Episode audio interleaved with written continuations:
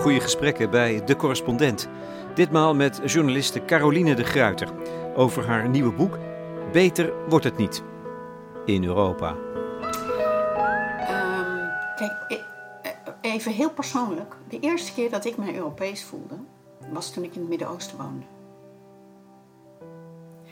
Je moet vaak, er is een heel prachtig voorbeeld van, van Franse Marquise de Custine hij was vreselijk kritisch over wat er allemaal in, eh, aan het Franse Hof gebeurde. En mensen die wilden democratisering en daar zag hij niks in. Dat was een enorme reactionaire markies. Die ging, naar, die ging naar Rusland, sprak ook met de tsaar, met een heleboel andere mensen. Want die dacht, die hebben het goed geregeld.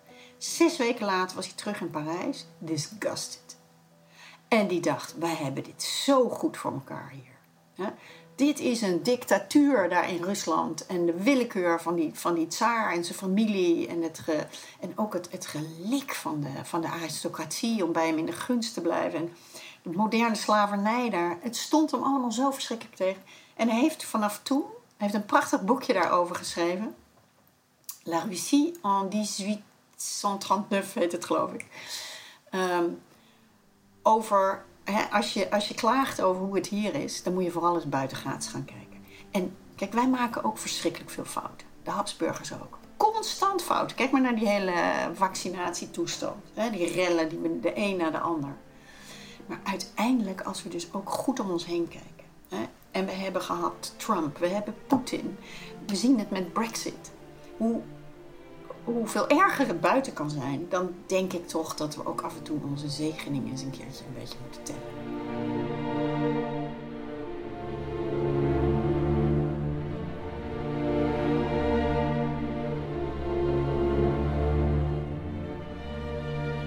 Je voelt je pas echt Europeaan als je ergens anders komt. Caroline de Gruiter houdt zich al heel lang bezig met Europa. Ze volgde het allemaal van nabij toen ze in Brussel woonde. Ze schrijft er tegenwoordig over voor NRC Handelsblad onder andere. En altijd met grote passie en helderheid. De geëigende persoon dus om in de aanloop naar de verkiezingen te vragen wat we ervan moeten vinden. Wat we ermee aan moeten met dat Europa, dat verwegge Brussel, waar over onze hoofden heen besluiten worden genomen die ons niet welgevallig zijn. Nou, het komt goed uit, want er is net een boek van haar uit. Beter wordt het niet waarin ze een verrassende en zeer leerzame vergelijking maakt tussen de huidige EU en het Habsburgse Rijk.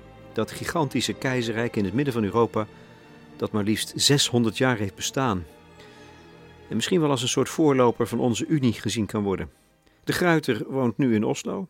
We spreken elkaar via het internet, maar ze schreef het boek vanuit Wenen, standplaats Wenen, de hoofdstad van het keizerrijk, waar de grens met Oekraïne dichterbij is dan die met Zwitserland zo'n detail verandert je hele beeld. Compleet, hè? Ik had precies hetzelfde. Dat zijn van die hele kleine beetjes, weetjes, die eigenlijk je hele, je hele beeld laten kantelen. Hè? Ik heb lang in Brussel gewoond. En je merkt gewoon dat ieder, uit ieder land komen uh, mensen naar Brussel om te onderhandelen. En die komen allemaal op een andere manier aanvliegen. Um, maar als je zelf naar die andere landen kijkt, dan heb je dat eigenlijk nooit zo door dan denk je van, verdorie, hoe kunnen ze daar, daar nou zo raar over denken? Nederland, Italië is ook altijd zo van, god, wat beweegt die Italianen? Mijn hemel. En de, en de Italianen hebben het omgekeerde met, met de Nederlanders natuurlijk. Ehm, maar je komt dus heel snel in clichébeelden terecht. En als je dan ineens, zoals ik, in Wenen daarachter kwam... Heel, heel veel van mijn buren waren ook Oekraïens en Moldavisch en zo. Uh, kwamen allemaal daar vandaan. Um, ja, dan besef je gewoon dat dat land eigenlijk, dat altijd bij het Westen heeft gehoord, dat Oostenrijk, dat dat eigenlijk helemaal geen West-Europees land is zoals wij. Hè? Het is een, een Midden-Europees land. En het kijkt ontzettend naar het, naar het oosten. Je noemt het een crushzone, daar in het hart van Europa. Ja. Wat bedoel je daarmee? Ja, het is een beetje een, een men zegt ook altijd Midden-Europa. Dat veronderstelt dat er, dat het, het is een beetje de ham in de sandwich eigenlijk. Ehm, en als die twee buitenste delen, dus West-Europa en echt Oost, als die uh, het goed met elkaar kunnen vinden, dan is er helemaal geen noodzaak voor dat, voor dat uh, Midden-Europa. Maar als die twee overhoop liggen, zoals nu ook weer en tijdens de Koude Oorlog, dan krijgt, dan krijgt dat Midden-Europa, dat Centraal-Europa, krijgt het benauwd. Want die, Er wordt van twee kanten wordt er, aan hen getrokken en ook tegen hen opgebeukt. Hè. Ze moeten eigenlijk kiezen, ze kunnen dat niet. En dan wordt het een soort crashzone. En het is ook de, de, de, de, de buffer een beetje tussen Oost en West. Dus wij walsen daar overheen. Er staat eigenlijk altijd een enorme spanning op. Er staat altijd spanning op. Behalve, uh, zoals hè, vlak na de val van de muur en zo, toen was dat even helemaal weg. En dan is er ook geen Mittel-Europa meer. Dan is er politiek ook geen noodzaak. Maar nu zie je dus dat precies die landen in die crashzone, die hebben het benauwd. Maar een land als Tsjechië bijvoorbeeld, dat is een heel mooi klein deeltje van die, van die is economisch compleet afhankelijk, net als Nederland dat is, van Duitsland. En tegelijkertijd hellen ze politiek in sommige opzichten meer over naar het oosten. Je probeert, uh, Caroline, de, de Europese Unie beter te doorgronden door nog eens goed te kijken naar het Habsburgse Rijk. Dat heeft 600 jaar bestaan in die crushzone onder al die spanning. Begrijp je nu hoe dat zo lang heeft kunnen duren? Wat dus met andere woorden de kracht is geweest van het Habsburgse Rijk?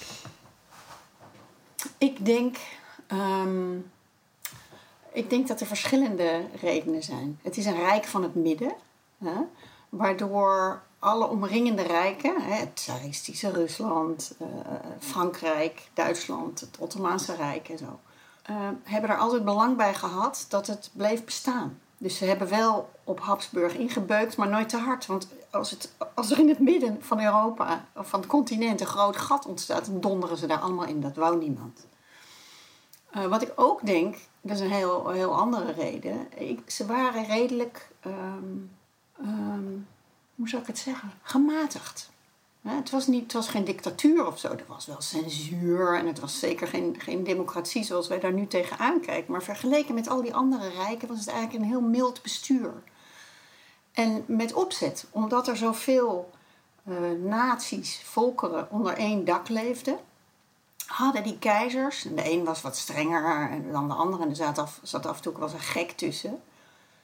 Maar die hebben toch altijd wel begrepen dat dat je dan sneller loyaliteitsproblemen hebt. Hè? Als je heel lullig tegen die mensen doet als keizer of als bestuur en je knijpt ze flink af, ja, dan ze hebben allemaal neefjes en nichtjes um, over de grenzen. Hè? Uh, dus ze kunnen makkelijk overlopen. Uh, en dat wilden ze voorkomen natuurlijk. Dus ik denk dat dat ook een reden is geweest. En daarom zijn ze redelijk flexibel geweest. Dat is misschien een derde, een derde reden. En dat is ook iets wat je in de Europese Unie, waar we wat van kunnen leren, denk ik.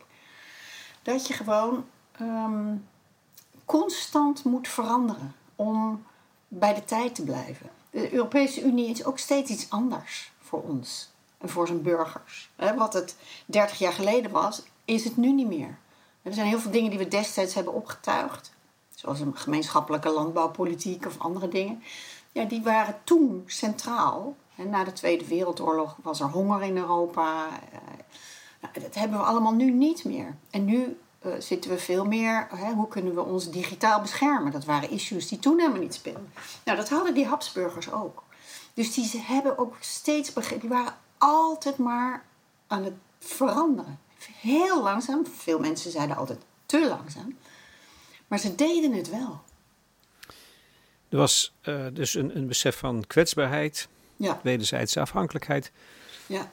En functioneerde het systeem ook goed? Bracht die interne markt, die het ook was, voorspoed, met andere woorden, en snapten ze dat? Het bracht voorspoed, ja. Ze hadden ook één munt, hè, net als wij.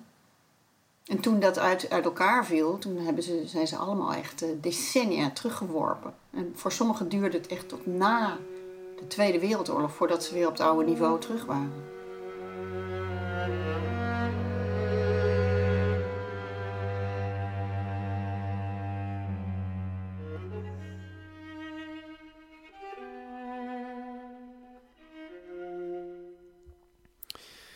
Je trekt een uh, gave parallel tussen uh, de rol van het Verenigd Koninkrijk nu, zeker nog binnen de EU, en Hongarije toen.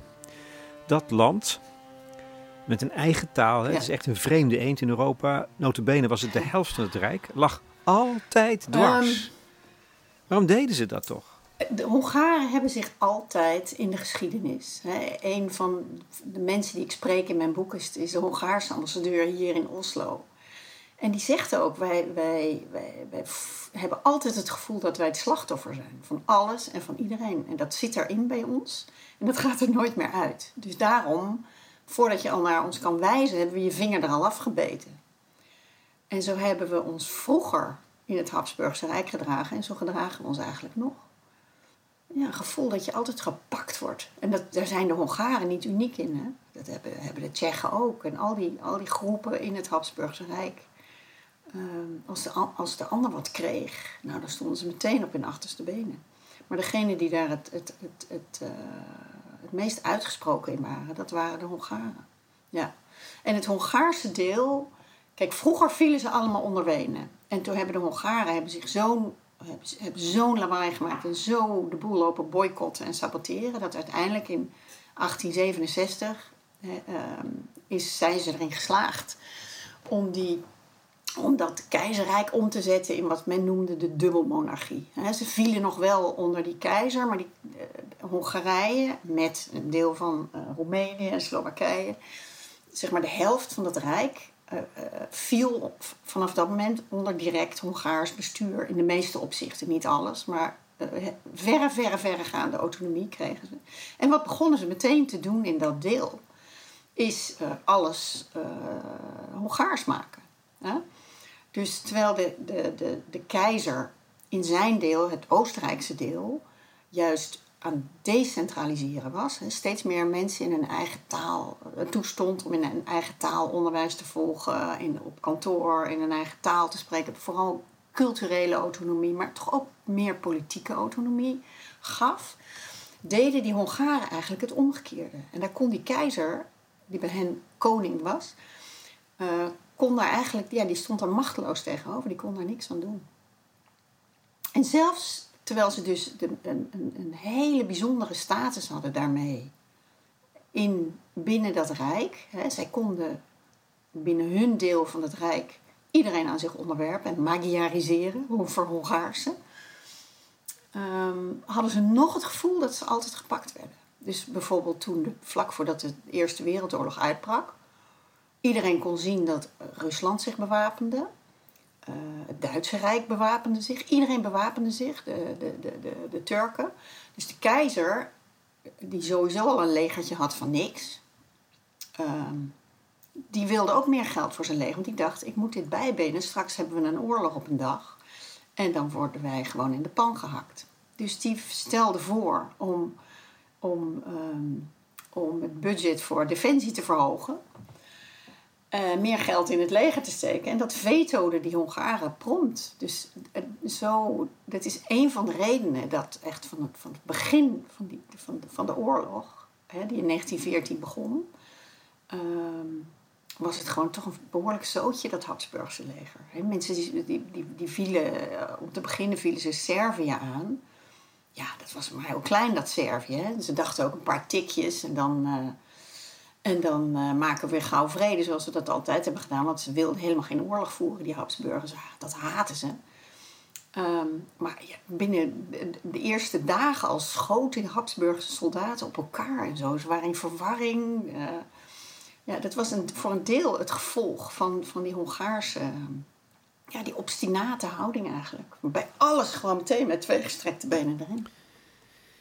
En het is die oorlog die dan uiteindelijk toch nog na 600 jaar leidt tot de ondergang van het Rijk. Ja hoor, misschien toch iets om even te onthouden. Maar goed, um, je ontdekt Caroline in Wenen. En het heeft, als je erover leest, iets koddigs, soms ook iets ontroerends. Allemaal sporen van een, een grenzeloze toewijding aan de Habsburgers en zeker ook aan de keizer. Terwijl dat een absolute vorst was. Hij was geen vijand. Hoe kan dat? Um, wat ik denk is dat die keizerlijke familie, kijk, je had ongelooflijk veel status. Hè? En als je naar die oude plaatjes en schilderijen en zo kijkt en de beschrijvingen. Ja, die aten van gouden borden, hè? 13 gangen uh, elke dag. En als de keizer klaar was met eten, dan werd de rest van de, van het, uh, van de borden werd ook afgeruimd. Dus als je dan zelf nog niet klaar was, nou dan. Uh, dus je moest niet te veel kletsen aan tafel als je bij de keizer had. Dus al dat soort dingen vinden wij allemaal volstrekt belachelijk natuurlijk.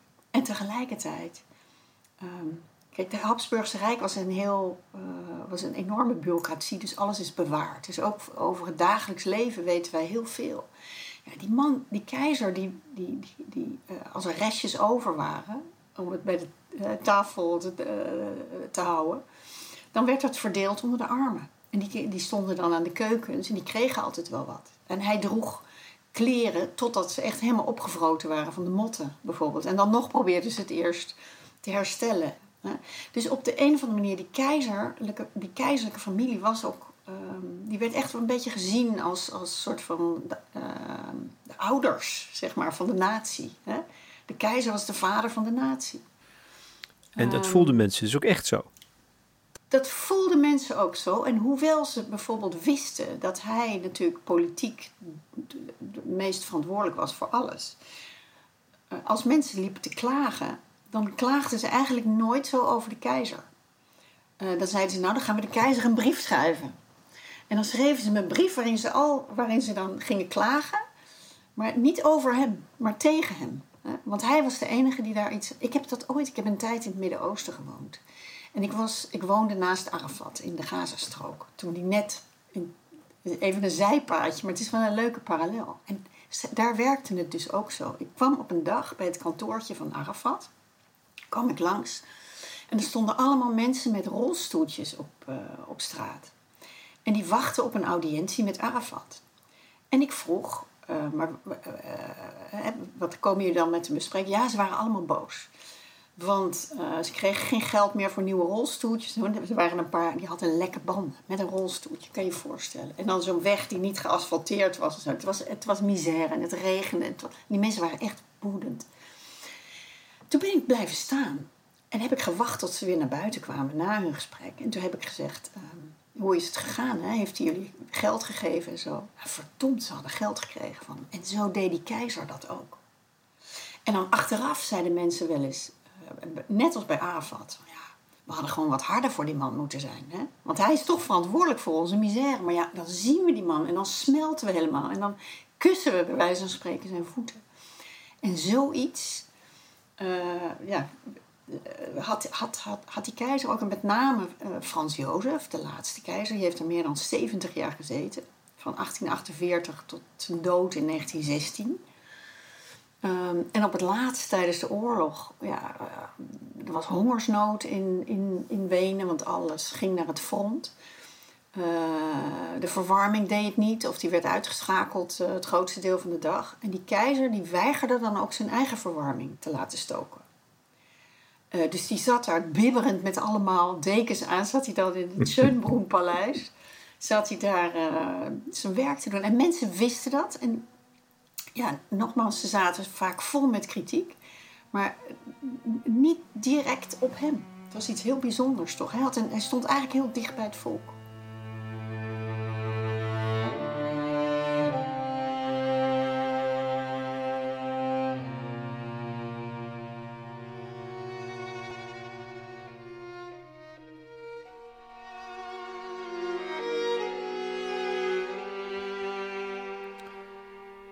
Als je kijkt naar de, naar de kunstenaars in die tijd in Wenen. En hun werk behoort denk ik tot het beste wat ooit gemaakt is. Dan zit er toch ook een scherp bewustzijn in van, van valsheid. Er is aan de ene kant een façade van glitter en goud. Maar daaronder rot het. En dat wisten ze. Dat besef was toen in Wenen, hè, dat, dat besef van het dubbele, ja. toch ook heel sterk. Ja, en tegelijkertijd heeft iedereen achteraf toch ook wel begrepen van... Jezus, wat zaten wij te zeiken om niks eigenlijk. Nee, ze waren ontzettend. Er was een ongelooflijk, nog een parallel met nu, in mijn ogen. We hadden een, er was een onge, de intelligentia was ongelooflijk cynisch en sarcastisch vaak. Um, en officieel was het natuurlijk een hele strenge censuur en, en ze mochten allemaal niks en zo. Maar tegelijkertijd wist iedereen dat de, de scherpste boeken werden gewoon gedrukt. En niemand trok zich er veel van aan. Hè? Die censuur wordt eigenlijk nauwelijks toegepast het, het, het, het grappige was dat, uh, en dat is ook een parallel, want dat hoor je nu ook wel eens, dat mensen heel vaak het gevoel hadden van hoe lang kan dit leven nog doorgaan. Hè? Want ze hadden het allemaal verdomde goed. De staat zorgde heel goed voor zijn onderdanen. En er werd heel veel geld verdiend. Globaliseringsfase en zo, begin vorige eeuw. Dus waar komt dat cynisme dan vandaan? Uh, nou, het is een soort decadentie. denk ik. De decadentie die wij nu ook hebben. Hè? Ik bedoel, we hebben, het, we hebben het nog nooit zo goed in Europa gehad als nu. En toch loopt iedereen de hele tijd alleen maar te, te, te, te Ik zal het netjes zeggen. Ehm, en ik wil niet zeggen dat mensen geen, geen reden hebben om te klagen. Want er is, altijd, er is altijd een reden om te klagen. En er gaan altijd dingen mis.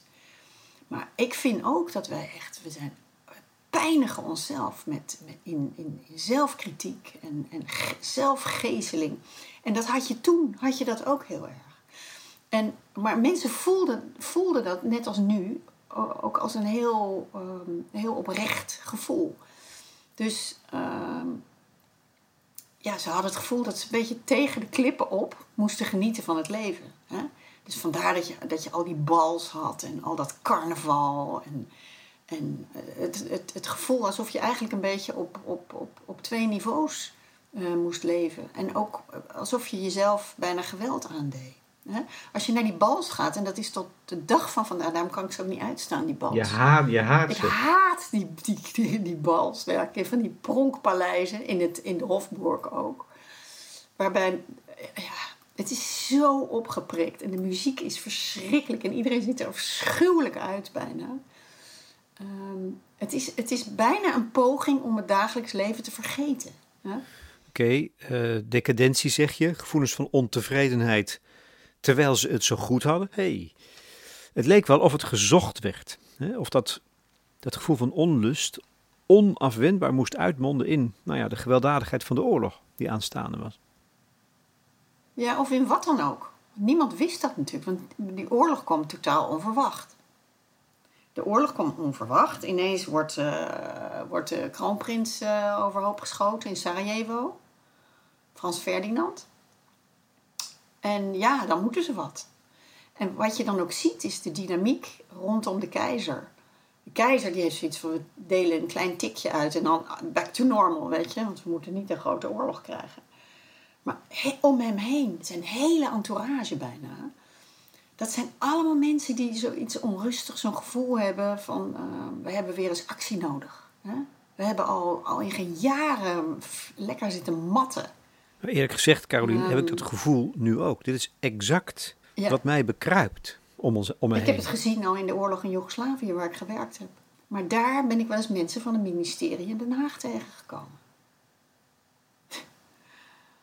ja, daar gebeurde wat. Hè? En dan kon je eens echt lekker ouderwets uh, stelling nemen. Um, daar ben ik verder nooit achteraan gegaan. Had ik natuurlijk wel moeten doen. Maar toen was ik een heel jong verslaggevertje en uh, dat had ik allemaal niet zo door. Dat dat eigenlijk wel iets zijn. Maar goed, toen had je dat dus ook. Dat, dat je het gevoel had, we hebben een gouden tijdperk gehad. En daar komt iets, we lopen op, dat loopt op zijn laatste benen. Er komt iets anders aan, maar niemand wist nog wat dat was, dat andere. En er waren ook geen ideeën, dat is nog een parallel. Hè? Niemand had ook maar enig idee, behalve dan het, het, het, het, Fort Worstel, hè, weer wat extra hervormingen en net iets meer uh, inspraak voor de burger en zo, want dat was allemaal best aan de gang. dus niemand, er waren geen ideeën over alternatieven. En ja, toen ineens kwam er uh, Beuk, werd, werd, werd Frans Ferdinand vermoord en we moeten wat. En alle ideeën vlogen in het rond, maar niemand had een strategie. Hè? Niemand had zeg maar een doel eh, daar en daar willen we naartoe en die en die weg moeten we dus bewandelen. Dat was er niet, dus ze deden maar wat. En toen begonnen ineens de grootmachten, andere grootmachten, zich met die oorlog te bemoeien. Het Duitse Rijk, uh, Rusland, Frankrijk, Engeland. En voor je het wist, zat zaten ze in een geweldige oorlog waar ze niet meer uit konden en die ze ook dus keihard hebben verloren. En door die oorlog gaat het kapot. Gaat het echt kapot. Met catastrofale gevolgen voor alle burgers. Even voor alle duidelijkheid. Want ze hadden het uitgehouden met elkaar zo lang. Ja, modderend, voortmodderend, maar toch. En nu is dan alles aan flarden, hè? Compleet kapot. En niemand had ook door. ja, je moet gewoon parallellen trekken met nu, hè? Uh, niemand had ook door dat, dat dit allemaal op het spel stond. Dat het eigenlijk gewoon heel knap was wat ze hadden gedaan al die 600 jaar. Nou ja, met vallen en opstaan. Hmm. Ehm, maar goed, door de bank genomen was het, was, het, was het ze gewoon redelijk goed gegaan. Trokken ze gewoon het hele, het, hele huis omver. En ja, een soort blinde woede ook. Niet begrepen. maar ja, maar ook een totale naïviteit. Je kan dus zo wennen aan je, aan je goede gedrag. Ehm, je kan dus ook zo verslaafd raken aan het idee dat jij uh, de hoogste staat van de beschaving bereikt hebt. En dat jou niks meer kan overkomen. Dan kan je dus roekeloos worden. Ik denk dat dat is wat een heleboel mensen is overkomen toen de oorlog uitbrak. Um, nou moesten, ze, moesten mensen natuurlijk naar het front. Stonden in rijen, duizenden. Overal melden ze zich aan om flink te gaan vechten. in naam van de keizer. Dat was een gouden moment voor veel mensen. Die hadden zoiets, yes, nou kunnen we. Kunnen we dat laten zien wat wij waard zijn. En vier jaar later was het allemaal kapot. En heel veel, ook als je heel van die oude boeken leest en, en, en, en teksten. Ehm, er zijn maar heel weinig mensen die... Ehm, die door hadden waar dat toe kon leiden. Als je bijvoorbeeld, dat is nu ook vele malen herdrukt, Stefan Zweigs, uh, die Wend van Gestern, die schrijft dat ook. Van wij, vonden dit, wij vonden dit allemaal geweldig. Hij was ook voor die oorlog. Iedereen was voor die oorlog. En zij, achteraf schreef hij ook: ik, ik begrijp niet hoe wij, dat, hoe wij allemaal zo in een soort roes hebben kunnen zitten. Dat is misschien wel de belangrijkste spiegel, hè? Ja, ik denk dat we moeten uitkijken. Uh, hè, wij zitten niet in een oorlog. Uh, en ik zie ons ook niet zo snel iemand anders de oorlog verklaren. Maar we zitten wel een beetje op een moment waarin je dit gedrag ook ziet. Ik, ik waar het me heel, uh, ik, moest heel erg aan Habsburg ook denken. tijdens de eurocrisis. Toen waren sommige mensen die wilden per se Griekenland uit de eurozone zetten. Dat was ook zo'n moment. En dat werd ook vrij hitsig gebracht allemaal die lui die moesten er maar uit. Dat hele maximale, extreme denken. Brexit is er ook een, een, een vorm van. Dat hele maximalistische denken. Waarbij je zegt, uh, ja, we staan nu aan een, aan een uh, afgrond en we springen gewoon. Weet je? Er zijn een heleboel mooie dingen hoor, daar beneden. je, wordt een beetje, je wordt echt totaal roekeloos.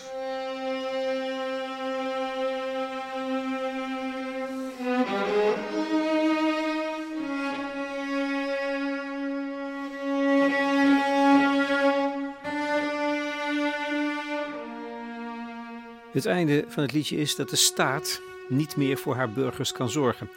En daar hadden ze even niet op gerekend toen ze vrolijk de oorlog instapten. De tweede ronde van dit gesprek. De parallellen tussen toen en nu, tussen Habsburg en de EU. Je schrijft ergens, in Beter wordt het niet, Caroline de Gruiter, deze zin. Er is een dak nodig om de spanningen te neutraliseren. Dat is het toch? In de er is een, ja, dat denk ik ook. Dat denk ik ook. Kijk, eh, we zitten natuurlijk op een continent met een heleboel kleine landjes. En sommige zijn daarvan wat groter dan andere. En sommige zijn wat kleiner dan andere. Maar daar komt het op neer. Ehm, en gedurende de hele geschiedenis zijn die landjes... Ja, die hebben hun eigen belangen gehad, hun eigen tradities, hun eigen hang-ups en taboes en ik weet niet wat. Die zijn elkaar... Uh, in, uh, zijn op elkaar gaan schieten met munitie. En het Habsburgse Rijk en de Europese Unie ook, uh, wat zij gemeen hebben, is dat zij gewoon hebben geprobeerd om een aantal van die landen bij elkaar te zetten. En te zeggen, um, vanaf nu gaan we niet meer met elkaar vechten, of althans niet meer schieten met munitie, maar alleen met woorden. Nou, dat is wat Habsburg heeft gedaan. Dus een dak boven uh, het was een, veelvolkerenstaat, een dak boven het hoofd van meerdere volkeren. En dat doet de Europese Unie op een andere manier. Het is geen staat en zo, het heeft niet één leger. Op een andere manier doet de Europese Unie dat ook weer. Waarbij je dus de grote in toom houdt, zodat ze elkaar niet, uh, niet gaan aanvallen. En daarbij ook de kleintjes uh, beschermt. Want dat is het ook, hè? je zorgt voor veiligheid. Um, iedereen kan zich daar geborgen voelen. Wil niet zeggen dat de verschillen uh, verdwijnen. Iedere dag sla de krant maar open. Uh, wordt er gevochten in Brussel. En dat zijn ook echt de termen die worden, worden gebruikt. Vaccinoorlog hebben we nu ook. Hè? En dat is in feite ook zo. En dit, maar dit is precies waar de Europese Unie voor is uitgevonden. En dit is eigenlijk ook hoe het Habsburgse Rijk functioneerde. Dus alles werd uitgemasseerd, uitonderhandeld. Uh, dat ging dan wel eens een beetje op een andere manier. Maar als je toch ziet hoe sommige uh, Habsburgse ministers bijvoorbeeld omschreven waar ze zelf mee bezig waren. Voortwursteln, uh, voortworstelen, voortmodderen. Ja, dan is het net alsof je nu eurocommissarissen over de Europese Unie hoort. Maar dat is tegelijkertijd de kern van het project. Het kan niet anders. Het is de kern van het project en daar is het project ook voor. Hè? Sommige mensen zeggen van ja, we blijven maar ruzie maken. En uh, zie je, waar dient het allemaal voor? Het heeft geen enkele zin en iedereen gaat voor zichzelf. Maar daar is Brussel dus voor uitgevonden. Iedereen komt naar Brussel niet meer om elkaar overhoop te schieten met, met kogels, maar met woorden. En als je dus ochtends, na lange onderhandelingen over de, de, de, de, de breakfast directive, wat is het, de, de ontbijtrichtlijn, hè? dan moeten ze dus voor de interne markt moeten ze bedenken wat, wat er in één kilo muesli mag zitten. hè? Zodat je er muesli op mag zetten op de hele markt en dat we het allemaal over hetzelfde hebben. En dat niet iemand met kiezelsteentjes ook zegt dat hij muesli verkoopt. Hè? Nou, dan komen daar diplomaten dat zijn eigenlijk de moderne legers, dus de soldaten, de voedsoldaten van de landen. Die komen naar Brussel in een keurig pak met een dasje en zo, een haar allemaal netjes gekamd. En die beginnen te onderhandelen. En het ene land staat voor de suikerproducenten. Dus probeert zoveel mogelijk uh, gram suiker in zo'n kilo uh, muesli te krijgen. Een ander land die importeert of levert, whatever, gedroogd fruit. Of noten of graanproducten, die ook allemaal in die muesli zitten. En die, iedereen probeert natuurlijk voor zijn eigen land er zoveel mogelijk uit te halen. Hè? Nou, als je dan s ochtends bij het raadsgebouw staat, hè, waar dat daarvoor neer is gezet, dan zie je die lui uit de uitgang komen met hun, met hun hemd uit hun broek, met zweetplekken overal, met hun das op half zeven. En kringen onder hun ogen en hun haar helemaal vettig. En, dit is hetzelfde. Alleen, we schieten niet meer met munitie. En daardoor duren dingen vreselijk lang. Um, maar ze, ze vechten nog steeds voor hun eigen land. Het is een e edele manier eigenlijk van... Uh, je onderdrukt het niet, maar je kanaliseert het naar iets verbaals. Het is eigenlijk wel heel knap wat we doen.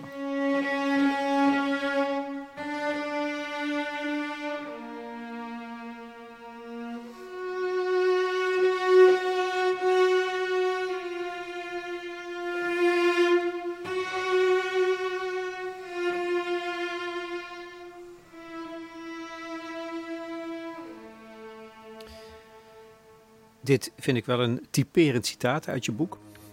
En zo zijn wij in feite veroordeeld om hetzelfde te doen als de Habsburgers deden. Een tijd niks doen, wachten tot er een enorme crisis komt, aan de rand van de afgrond staan en beseffen: als we niks doen, valt de boel uit elkaar. En dan, met het mes op de keel, langzaam gemeenschappelijke instituties bouwen. Net genoeg om de boel te kalmeren. Nou, dat lijkt vreselijk als je het zo opschrijft, maar het is eigenlijk precies het vermogen waardoor dat Habsburgse Rijk zo lang heeft kunnen voortbestaan. Met alle voorspoed van dien dus. Want hoe kan je, um, als je geen compromissen sluit, tijdrovende, eh, vaak ook lelijke, het zijn allemaal monsters eigenlijk. Als je geen compromissen sluit, hoe kan je dan zo lang zoveel volkeren bij elkaar houden? Zo mogelijk. Dat is totaal mogelijk. En zelfs Hongaren, met al hun gezeik en gezanik altijd. En gejammer, vooral luid gejammer. Die wilden er niet uit. Zij waren, zijn de laatste geweest die, het, die het, Habsburgse Rijk hebben verlaten. Want zij beseften wel wat voor een geweldige deal ze hadden. En zo is het natuurlijk hier ook. Meneer Orbán wil er ook niet uit. Meneer Salvini wil er ook niet uit. Kaczynski wil er ook niet uit. Ze willen allemaal zo, het, zo bruin mogelijk bakken. Ze willen er zoveel mogelijk uithalen als Rutte, premier Rutte uh, naar Brussel gaat om te onderhandelen over een nieuwe Europese begroting, probeert hij, net als alle anderen, om, er, om zo min mogelijk geld aan de Europese kas te betalen en er zoveel mogelijk aan Europese projecten uit te halen. Dat is de truc. Daar zijn ze allemaal mee bezig. Sommigen zijn er net iets harder in dan anderen. Nog één ding, um, je hebt het er eigenlijk al over. Je noemt het een obsessie met regels. Zowel toen als nu opnieuw. Dat leidt tot het Ja. idee een idee fix, lijkt me, dat die bureaucratie tot een onafzienbare hoeveelheid ambtenaren leidt. En dan is het wel geestig om te lezen eh, bij jou dat bij de Nederlandse Belastingdienst alleen al meer ambtenaren werken dan bij de Europese Commissie. Nee, evenveel ongeveer. Ergens tussen de 30 en de 35.000, allebei. Ja. Dus waar komt dat beeld dan vandaan? Ja. Want Habsburg had er, had er nog veel meer. Ja, alleen Habsburg had natuurlijk alle onderwijzers en eh, plantsoenendiensten in dat hele grote rijk ook op de payroll staan. En dat hebben wij allemaal niet. Dat werkt voor de, voor de nationale overheden of meestal eigenlijk voor de lokale overheden. Dus dat heeft, Europa blijft daar buiten. Ja, maar we hebben het beeld van een... Van een, enorme moloch hebben we. Ja, maar dat is helemaal niet zo. Maar iedereen houdt dat fijn in stand. Maar als je in, Rus, eh, als je in, in, in, in, in Brussel komt... Um, ja, sta je van te kijken van hoe... Toen de, toen de oorlog in de Oekraïne uitbrak... bestond de Oekraïne-desk van de Europese Buitenlandse Dienst... Um, uit één persoon. Je komt echt vaak, ik kom vaak mensen tegen in Brussel ehm, die uit de nationale administratie komen, nationale bureaucratie. En dan een tijd in Brussel gaan werken of in dienst gaan bij de commissie of zoiets dergelijks. En het eerste waar, waar die echt helemaal van paf staan is van hoe weinig mensen er werken. Met, hoeveel, met hoe weinig mensen je zoveel werk moet doen. Want iedereen zit dus constant uh, te zagen op het aantal uh, bureaucraten, eurocraten. Uh, en dat zijn er veel te veel. Terwijl tegelijkertijd, met name in Nederland, dat is natuurlijk een mooie contradictie. Wij zeggen altijd: neem de euro. Hè. Alle landen moeten zich aan de regels houden. Hè, de regels zijn totaal heilig. 3% uh, begrotingstekort mag je niet overheen. 60% staatsschuld mag je ook niet overheen. En wee je gemeente als je daar overheen gaat, dan moet je sancties en dit en dat allemaal automatisch, het liefst. Ehm, maar ja, er zijn natuurlijk mensen nodig om dat te bewaken.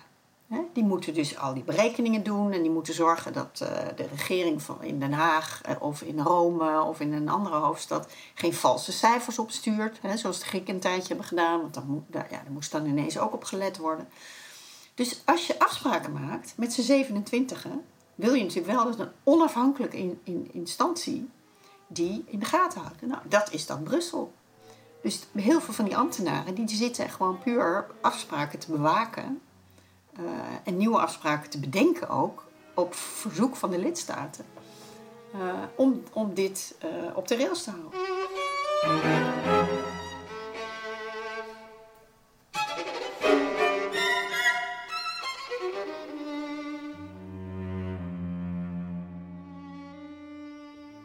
Derde ronde, Caroline. Caroline de Gruiter. De, de toekomst van Europa. Met een half, of meer dan dat, oog op de verkiezingen. We zouden gek zijn als we dachten: laat het maar uit elkaar vallen. En dan moet ik ja of nee antwoorden. nou ja, nee, ik ben dat heel erg met je eens. Kijk, wat mij, wat mij zorgen baart. Nederland doet aan alles mee we zitten in het hart van de Europese samenwerking. Hè? Met, met, met de Benelux, met Frankrijk, en Duitsland en Italië. En ehm, wat mij wel eens zorgen baart, is hoe weinig wij van Europa afweten. Het is één ding dat heel veel discussies heel nationaal zijn, want een heleboel dingen zijn ook nationaal. Maar in de loop der jaren hebben we op een perfect legale en ook democratische manier, hè, landen hebben daar hun grondwetten voor aangepast en zo, en hun wetgeving, dat, dat, dat doen wij gewoon iedere, iedere week, iedere maand wel. Passen we wetgeving aan aan wat onze regeringen in Brussel besluiten. Ik heb pas geleerd wat het verschil tussen de Europese Raad en de Europese Commissie is toen ik in Brussel ging werken. Het is ongelooflijk. Hè? Aan de ene kant klagen mensen dus altijd over hoe machtig Brussel is en dat er macht terug moet. moet. Uh, en tegelijkertijd ja, weten, ze, weten ze helemaal niet wat daar in Brussel gebeurt. We, mensen weten vaak ook niet dat het onze eigen ministers en, en, en, en, en regeringsleiders zijn die daar de besluiten nemen. Ja, bijvoorbeeld. Ik denk altijd maar dat het een soort anonieme instantie is van ongekozen ambtenaren die al die dingen over ons besluit. Nee. Maar ja, ik moest daar zelf ook pas achter komen door in Brussel te gaan werken, want ik wist dat ook niet. En ik vind dat een enorm gemis in Nederland. Ja, leden vragen hier ook naar. Hè, communicatie, dat is een ding. Wat zouden antwoorden daarop kunnen zijn? Ik las in jouw boek dat Stefan Zweig al met het idee kwam, bijvoorbeeld van een Europese krant. Oh, Stefan Zweig was een tijd ver vooruit. Hè. In het interbellum heeft hij voorgesteld een Europese krant te maken. Een bureau wat fake news moest, uh, actie moest ondernemen tegen fake news. En het derde wat hij had bedacht was een soort Erasmus-programma. Uitwisseling van studenten. Die man was echt zijn tijd ver vooruit. Nou hebben wij dat allemaal. En nog loopt iedereen op elkaar te kanker in Europa. Dus, ja. Maar is communicatie niet het sleutelwoord? In beide richtingen natuurlijk. Wat wij willen weten, maar ook de informatie die naar ons toekomt? Ja, ik denk het wel. Ik denk het wel. Kijk, als ik, als ik zie dat een, een, een, een mensen die Nederlander willen worden, die moeten het zogeheten inburgeringsboek moeten ze lezen. En dan moeten ze een examen over doen. Uh, en dat, dat is, ik weet niet meer, iets van 250, 300 bladzijden of zo. En dat gaat over hoe Nederlanders verjaar, verjaardagen vieren en onze strijd tegen het water. En nou, een heleboel grappige en, en leuke en belangrijke dingen. Uh, staatsinrichtingen en zo. Er staan twee paragraafjes in over uh, de rest van de wereld. Het ene paragraafje gaat over Amerika en de transatlantische relaties. En hoe de Amerikanen ons uh, hebben gered eigenlijk tijdens de Eerste Wereldoorlog. Van de Duitsers, van de Duitse bezetting hebben afgeholpen. Uh, en het, het, het, tweede stukje gaat over Europese samenwerking. En eh, daar staat in, in een paar regeltjes maar, een heel kort alineaatje. Daar staat in ehm, dat we ehm, ja, dat we met een aantal landen een uh, Europese Unie vormen voor economische samenwerking. Alsof het niet politiek is, maar goed. En dat sommige landen uh, ook uh, één munt delen, comma de euro. En dan gaan ze door naar het volgende paragraafje. En that's it. Ja, dan denk je, ik bedoel, als je nou ergens in, de midden, in het midden van de stille Zuidzee zou liggen, zelfs dan zou je dat niet doen. Hè? Het is net alsof, alsof dat allemaal geen rol speelt. En of ook wij in de rest van Europa, van de wereld, geen rol spelen. Want dat is natuurlijk ook niet het geval. Als je kijkt, ik, ik, uh, ik ben aangesloten bij een, bij een denktank in Europa, de European Council on Foreign Relations, uh, met een aantal andere uh, politici en, en journalisten en, en, historici en zo uit allerlei Europese landen. En die doen vaak onderzoek naar um, een soort rangorde, in de politieke rangorde van Europese landen. En dan zie je dus, wat is het derde belangrijkste land in Europa? Dat is Nederland op het moment. Nederland speelt echt een sleutelrol in een heleboel discussies. Van de euro tot uh, sancties uh, tegen Rusland, uh, tot immigratie.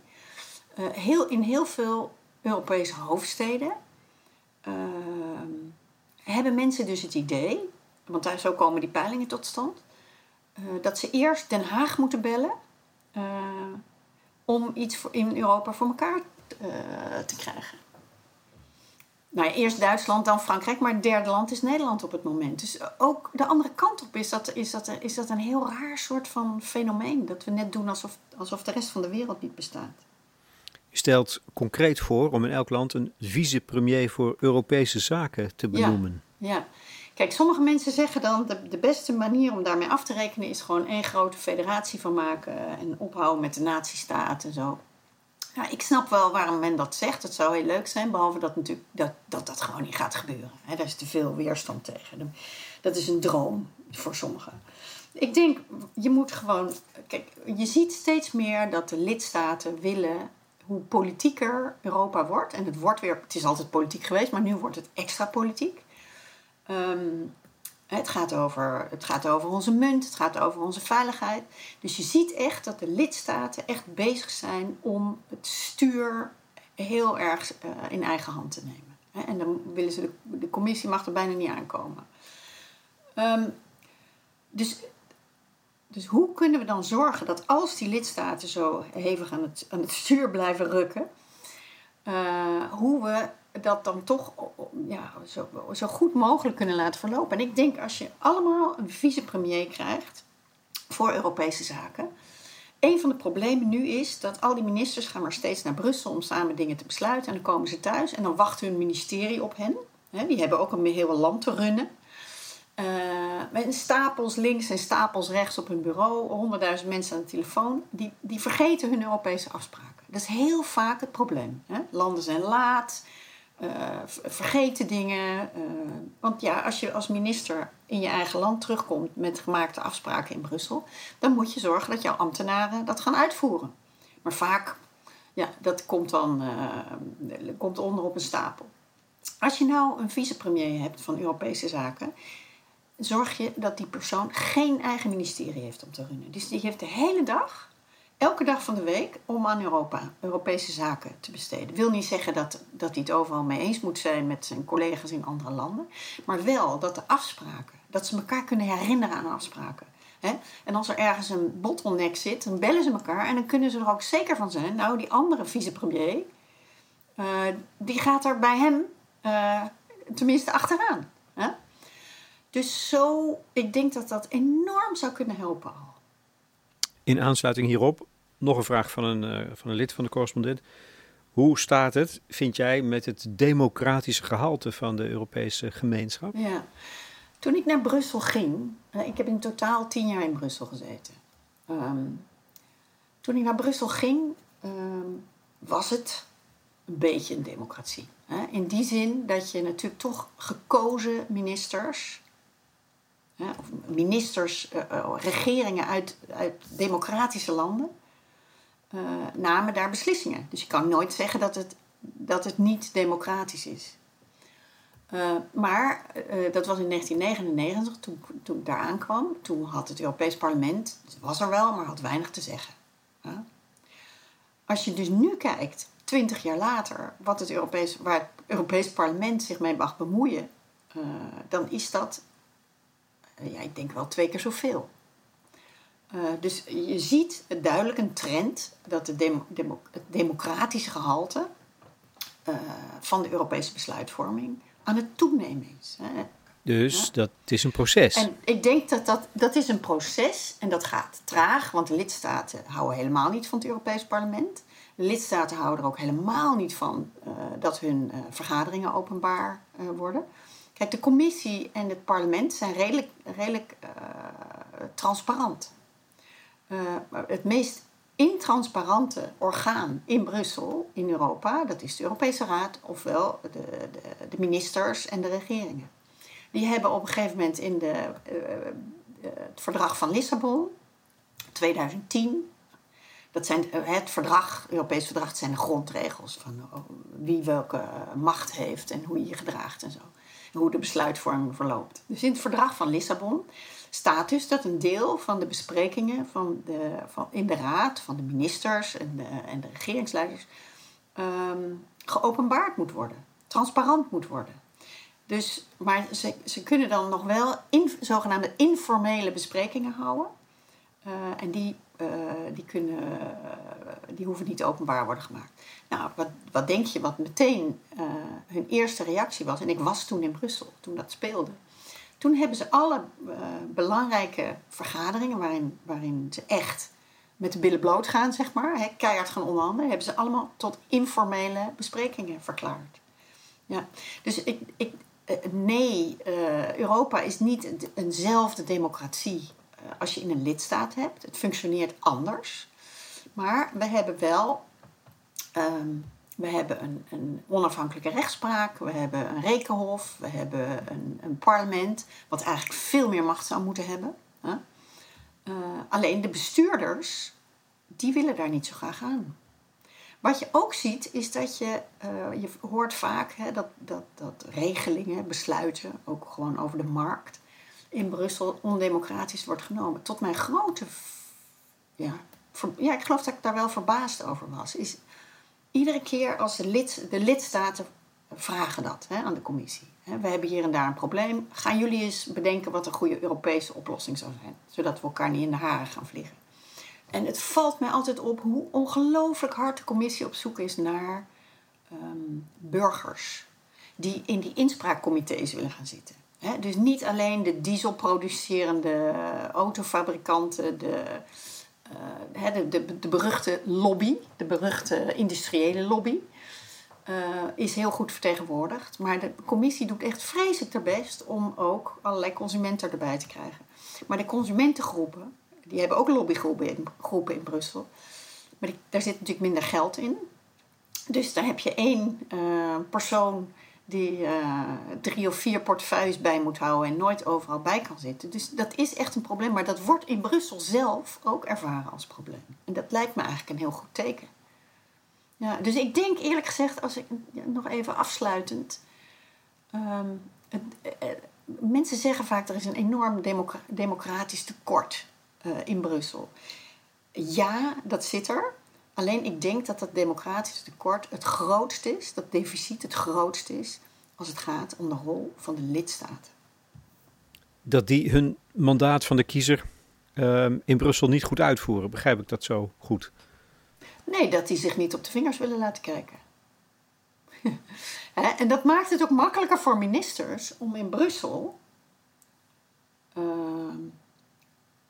A te zeggen en afspraken te maken en compromissen te sluiten. Want ja, we zitten allemaal, we, hebben allemaal hetzelfde, dezelfde problemen. Hè, met milieu, met corona, met een aantal andere dingen. En gaan we samenwerken om er doorheen te komen met z'n allen. Uh, want we kunnen dit toch niet alleen uh, oplossen. Dus die maken afspraken in Brussel. En dan zeggen ze A. Ah, dan komen ze vervolgens thuis in hun eigen land. En dan zeggen ze B.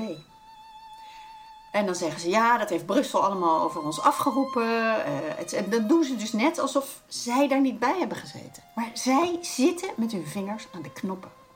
Dus een dubbelspel. Dat ergens dat dubbelspel, ik heb dat zo vaak gezien in al die jaren.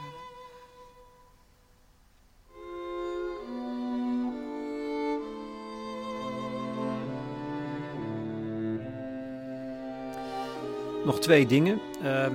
Eén um, is heel duidelijk de teneur van je betoog. Verwacht er niet te veel van. Europa is niet af en dat kan ook niet en dat moet ook misschien wel zo zijn.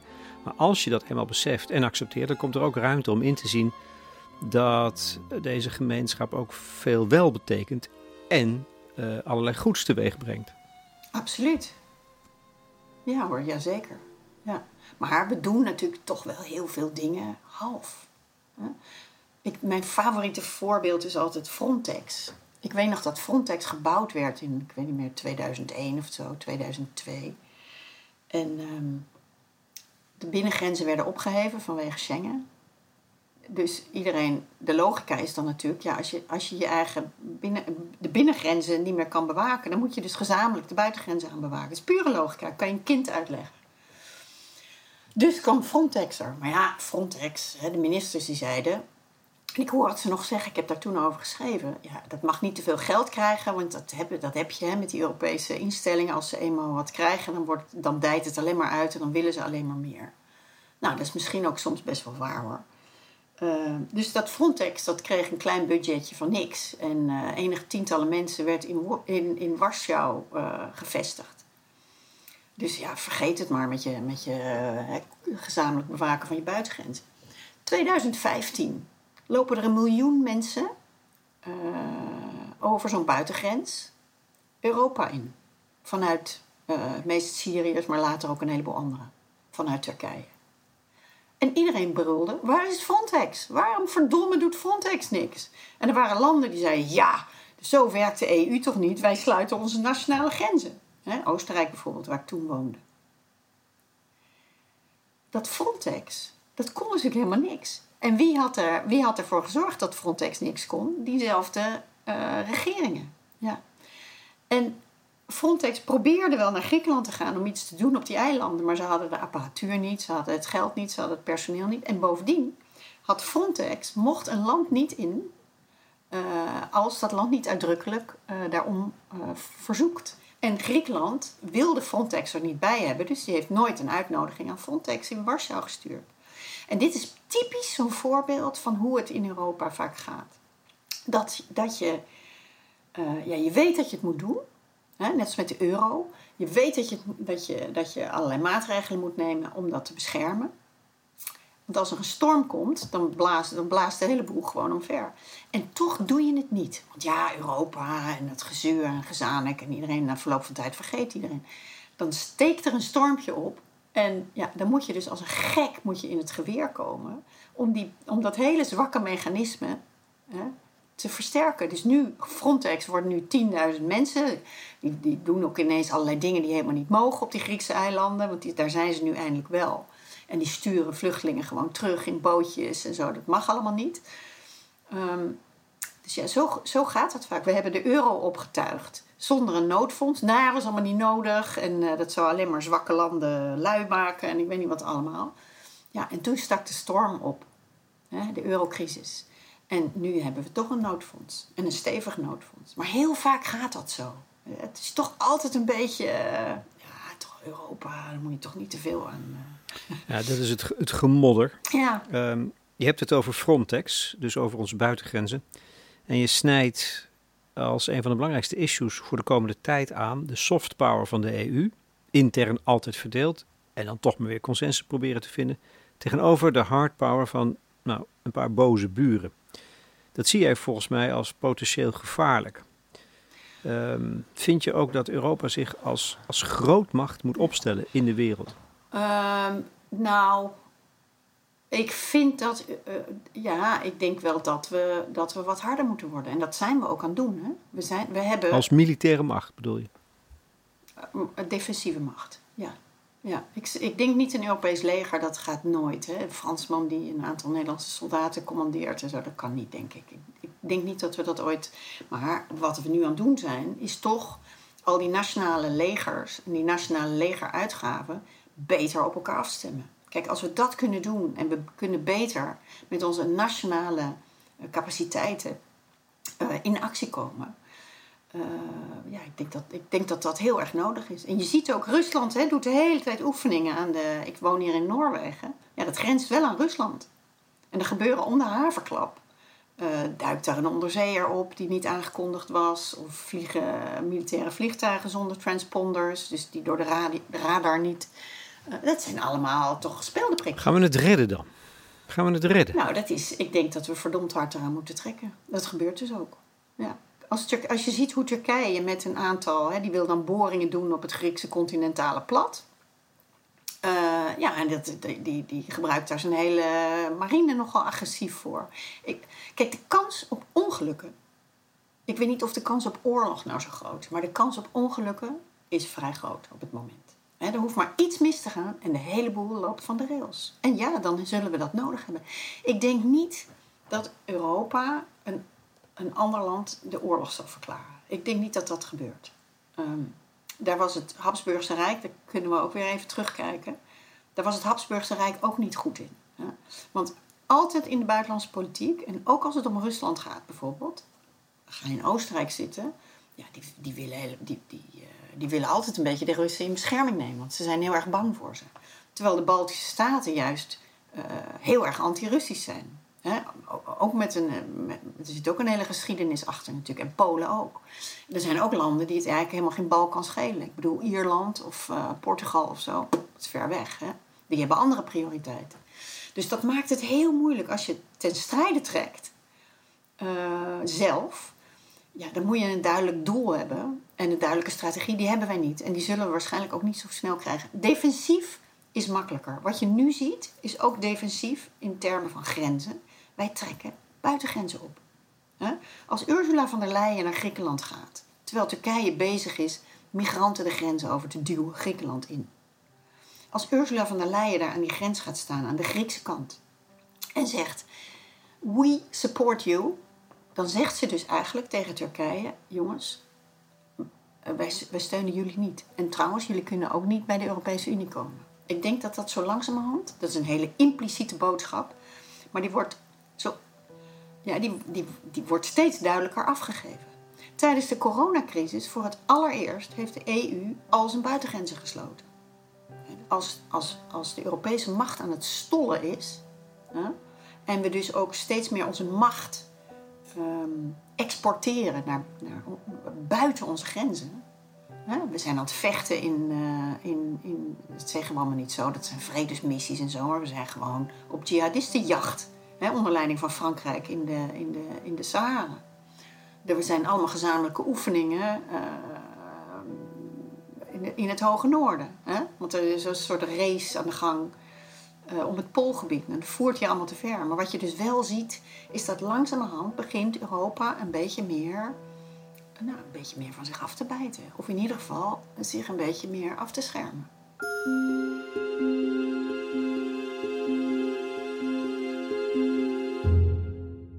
Caroline de Gruiter in gesprek met Lex Bolmeijer voor de correspondent over haar boek Beter wordt het niet. Het roept natuurlijk vragen op of aanvullend commentaar wellicht. Wat vinden jullie van het idee om in elk land een vicepremier voor Europese zaken uh, aan te stellen? Nou, we hebben voor jullie reacties een hele bijdragesectie ingericht. Die is toegankelijk voor leden. En je bent al lid voor zeven tientjes per jaar. Daar krijg je dan dus een jaar lang kwaliteitsjournalistiek voor voorbij de waan van de dag. En de waan van de dag vandaag, ja, dat zijn de verkiezingen. Nou, we hebben een verkiezingsgids met verdiepende inzichten, een podcast, stemmen, zonder peilingen. En in de laatste aflevering van de Rudy en Freddy Show is Klaas Dijkhoff de gast. En dat is bar gezellig. De muziek tenslotte, allemaal van Arnold Schoenberg uit Wenen. Komt uit zijn strijkkwartetten. Schoenberg had wel ideeën over hoe het anders moest. Wat ook gebeurde.